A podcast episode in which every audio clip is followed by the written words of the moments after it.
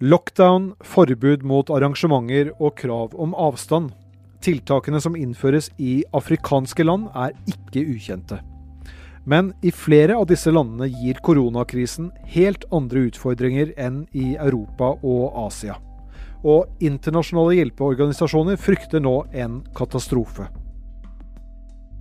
Dette er forklart fra Aftenposten. Jeg heter Kristoffer Rønneberg. Det er onsdag 8. april.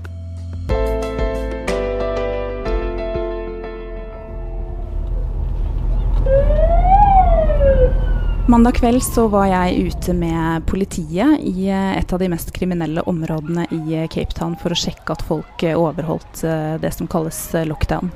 Ida Titlestad Dalbakk er NRKs Afrikakorrespondent. De fleste holdt seg inne i husene sine. Det var noen som var liksom ute og, gikk, noen små jenter som hoppa tau, og noen ungdommer som, som gikk ute. Men de fleste løp inn da de så politiet. Og, og, politiet fortalte jo også at uh, kriminaliteten nå har gått ned i uh, denne perioden da, under det som de kaller lockdown i Sør-Afrika. Og så kjørte vi også forbi, eller til en veisperring da, hvor de mm, sjekka at folk som kjørte forbi, at de faktisk skulle dit de sa de skulle. Uh, her må man jo ha med seg kvitteringer fra butikken og kunne vise fram. Eh, dersom man eh, har vært ute et sted. Eh, så, så vi var også med å sjekke at, at folk overholdt de reglene. da. Ida, hva, hva, sier det dere så i Cape Town mandag kveld om hvordan hverdagen er i denne byen akkurat nå? Nei, Man sitter jo veldig innelåst da, i eh, Cape Town nå og i disse fattige områdene. Fordi at eh, presidenten eh, har gitt beskjed om at vi skal sitte inne i 21 dager. Og vi har jo bare lov til å gå ut hvis vi går i butikken, eller hvis du må helt nødvendige ting som å gå til legen. Og man har jo vært spent på hvordan dette skulle gå, særlig i disse fattige områdene hvor folk bor veldig, veldig tett og hvor det er vanskelig å overholde hygieneregler eh, for å vaske hender f.eks. For eksempel, fordi folk ikke alltid har råd til å kjøpe inn såpe, og, og antibac har jo vært tomt i hyllene. Så, så, det er en ganske spesiell situasjon. Mm. Hvordan eh, reagerer de du snakker med på alle disse strenge tiltakene som er, eh, som er innført? De fleste jeg har snakket med, skjønner jo at uh, dette er uh, nødvendig for uh, Sør-Afrika. Fordi det er jo også veldig mange i dette landet som lever med hiv og tuberkulose.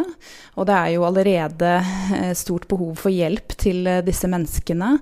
Og man har jo frykta hva som skulle skje hvis det sprer seg i fattige områder, eh, som man også frykter mange andre steder i Afrika. Så det er klart at folk skjønner nå at eh, dette er alvor, og de får jo eh, nyheter fra andre steder i verden hvor dette viruset sprer seg raskt. Og så er det likevel dette da med å, med å overholde restriksjonene og, og, få det til å funke. Det, det kan være krevende, men men folk har jo også syntes at eh, presidenten her, Ramaphosa, har framstått veldig samlende. Han har holdt taler, og, og han har nok fått fram eh, viktigheten av å, å, prøve å holde seg inne så godt man kan, i hvert fall. Sør-Afrika er ikke alene om å innføre strenge tiltak for å unngå en katastrofe. I slutten av mars inntok opprørspoliti et større marked i byen Kusumu i Kenya. En av politimennene kaster tåregass inn i mengden, og gassen legger seg som et teppe over markedsplassen. Hensikten var å stenge markedet og å hindre spredning av viruset.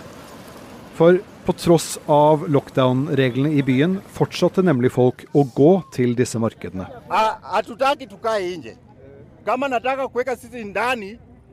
Hvis regjeringen vil ha oss i lockdown, må de gi oss penger.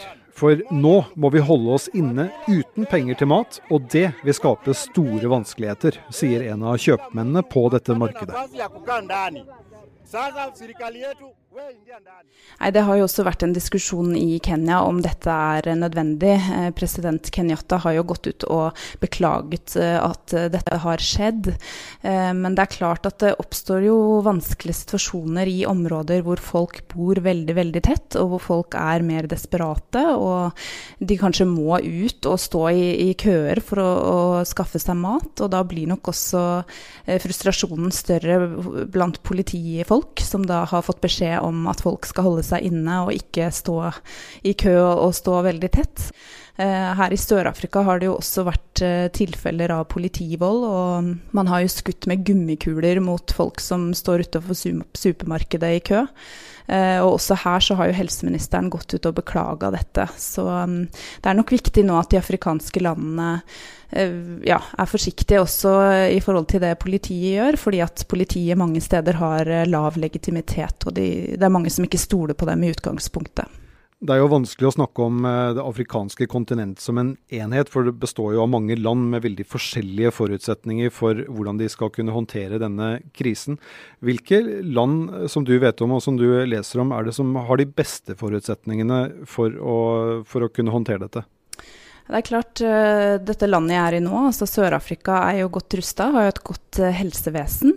Uh, og det er jo flere andre land som, som har et godt utbygd helsevesen, også i Nord-Afrika, som er bedre rusta enn mange andre land til å klare denne krisen. Altså Når man ser på Afrikakartet, så, så er det på en måte de som har merka ut hvor det er vanskeligst for helsevesenet å, å klare å stanse denne spredningen, da er, da er det Sahel-beltet, altså Sentral-Afrika. Eh, der er det mye konflikter og vanskeligheter i utgangspunktet.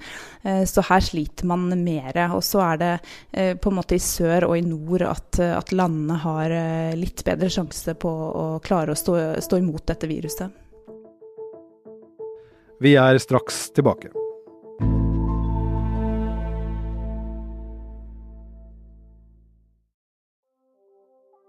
Det første smittetilfellet på det afrikanske kontinentet kom allerede 14.2, men tallene har holdt seg veldig lave veldig lenge. Foreløpig er det bare meldt om i overkant av 10 000 smittetilfeller på hele kontinentet, med litt under 500 dødsfall. Men mørketallene kan være store. Det er det jo eh, mange som frykter, og det er jo flere land som ikke har uh, hatt ordentlig testutstyr. Uh, nå er det jo flere og flere som har fått på plass det, men man ser jo også i Zimbabwe f.eks. at myndighetene går ut og advarer mot testutstyr som de ikke har godkjent. Og hvis man tester med, med, dette som da er laget av private selskaper, og så får man et eller annet svar, så kan det jo bli ja, feil resultater, rett og slett slett. Mm. Du, du, var inne på dette med at eh, flere land i Afrika er, er midt i voldelige konflikter. Altså det gjelder jo bl.a. Sør-Sudan, Kongo, Mali, Den sentralafrikanske republikk. Eh, kan du fortelle litt mer om hvordan disse konfliktene påvirker disse landenes evne til å takle virusutbruddet? I disse landene så er det mange som eh, lever på flukt, og det er mange internt eh, fordrevne. Eh, særlig da over hele dette Sahel-beltet, eh, som strekker seg fra Atlanterhavet i vest og til Rødehavet. Og i disse områdene så har det også vært problemer nå med matmangel, eh, fordi at mange har måttet flykte fra gårdene sine, og eh, matproduksjonen har gått ned, samtidig som det har vært eh, store og lange perioder med tørke. Um, så i disse områdene så lever folk veldig usikre liv, og helsevesenet er også dårlig utbygd uh, veldig mange steder.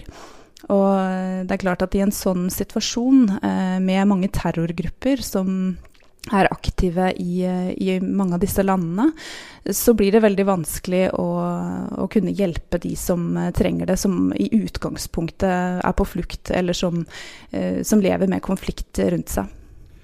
Denne krisen er jo en helsekrise, eh, men hvordan kan den utvikle seg til også å bli en økonomisk krise på det afrikanske kontinent?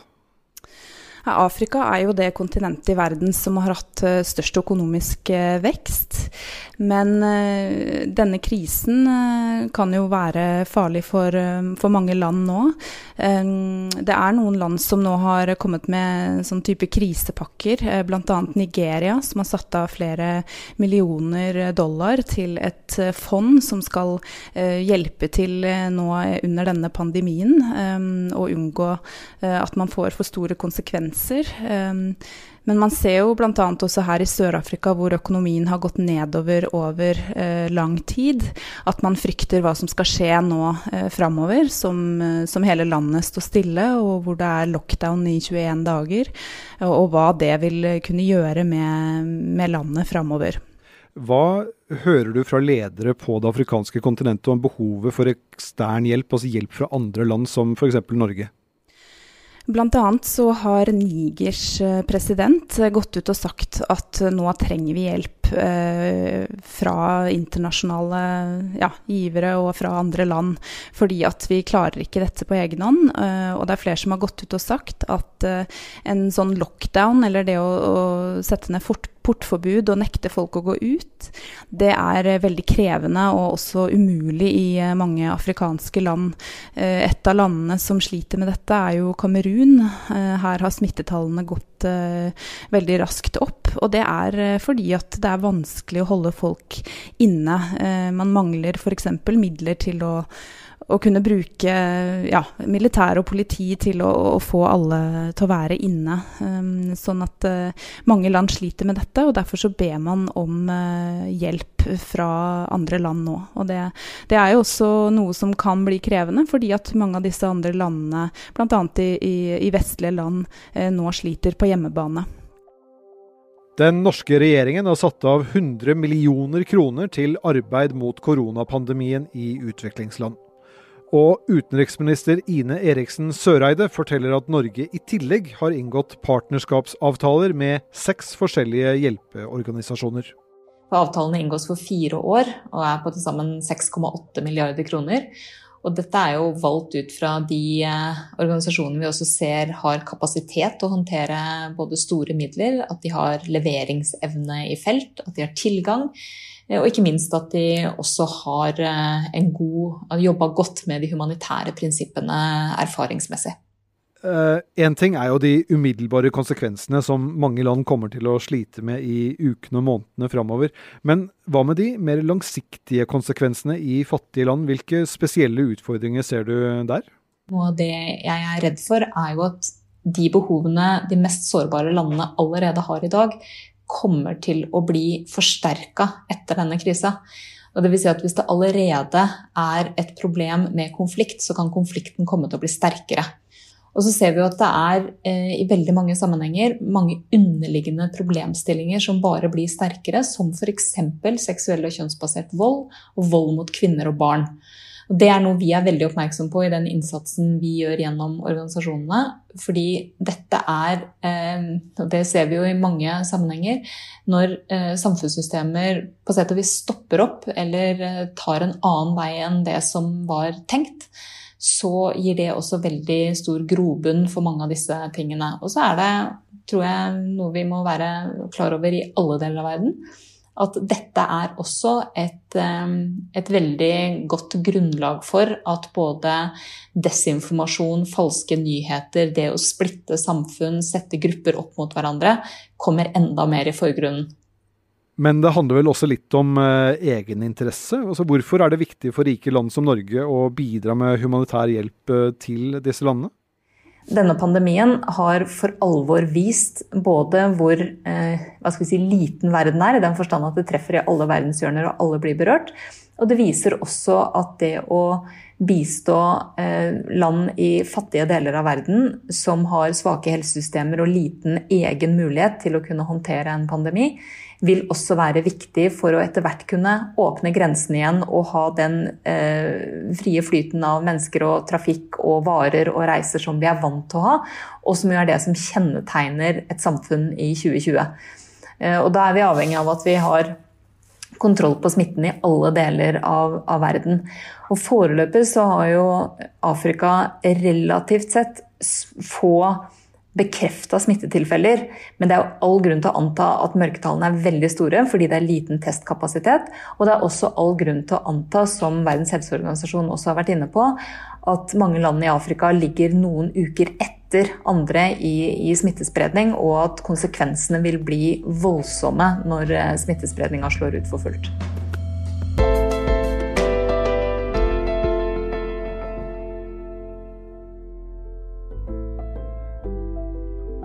Forklart lages av Caroline Fossland, Anne Lindholm, Fride Næss Nonstad, Andreas Bakke Foss og meg, Kristoffer Rønneberg. I denne episoden har du hørt lyd fra nyhetsbyrået AP.